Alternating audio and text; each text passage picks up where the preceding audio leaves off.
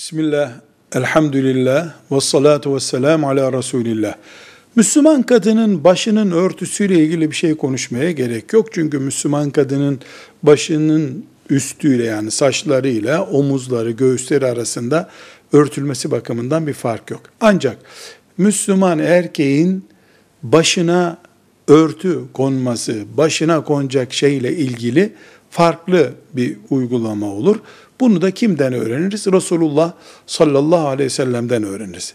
Peygamber sallallahu aleyhi ve sellem Efendimiz başına şu kıyafeti koymuştur. Elbette onun mübarek başına değen e, kumaşın şekli vesairesi farklı ama bizim takye dediğimiz bu kıyafeti başına koymuştur. Peygamber Efendimiz sallallahu aleyhi ve sellem bu şekilde takke kullanmıştır. Hayatının büyük bölümünde de sarık dediğimiz böyle bir kumaşı da başına dolamıştır. Böylece Peygamber Efendimizin bir erkek olarak başında takke ve sarık bulunmuştur. Mekke'yi fethettiği günü tarif ederken ashab-ı kiram sarıkla geldiğini söylemektedirler. Diğer zamanlarda da sarıkla Mekke'de, Medine'de dolaştığına dair bilgilerimiz vardır. Alimlerimiz sarık ve takke konusunu Resulullah sallallahu aleyhi ve sellemin bir namaz gibi, bir ibadet gibi emredip etmediği konusunda farklı görüşleri vardır. Umumiyetle Resulullah sallallahu aleyhi ve sellemin takke kullanması ve sarık kullanmasının o günkü kıyafet tarzını benimseyip devam ettirmesi olarak anlamışlardır bunu. Yani bu namaz gibi bir farz, oruç gibi bir farzdır.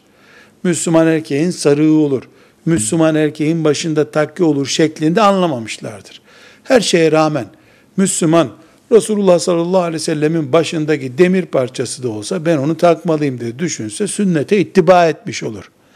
Ama bunu hayatının pratiğini almayan bir Müslüman bir tahkir, küçük görme, işte onlar Arap'tı gibi böyle bir dışlama belirtisi olmadan veya böyle bir hissiyatı olmadan bunu yaparsa yani başına bir şey koymasa günah işlemiş olmaz demişlerdir. Fakat burada önemli bir ayrıntı var. O ayrıntı şudur. Eğer Müslümanın başındaki takkesi, sarığı kafirlerin ilgi alanına geçmişse, kafirler başı açık Müslüman istiyorlarsa, İskilipli Atıf Efendi rahmetullahi aleyh başındaki sarığından dolayı astılarsa, Müslümanlar bu konuyu ince düşünüp ince elemeleri gerekir. Velhamdülillahi Rabbil Alemin.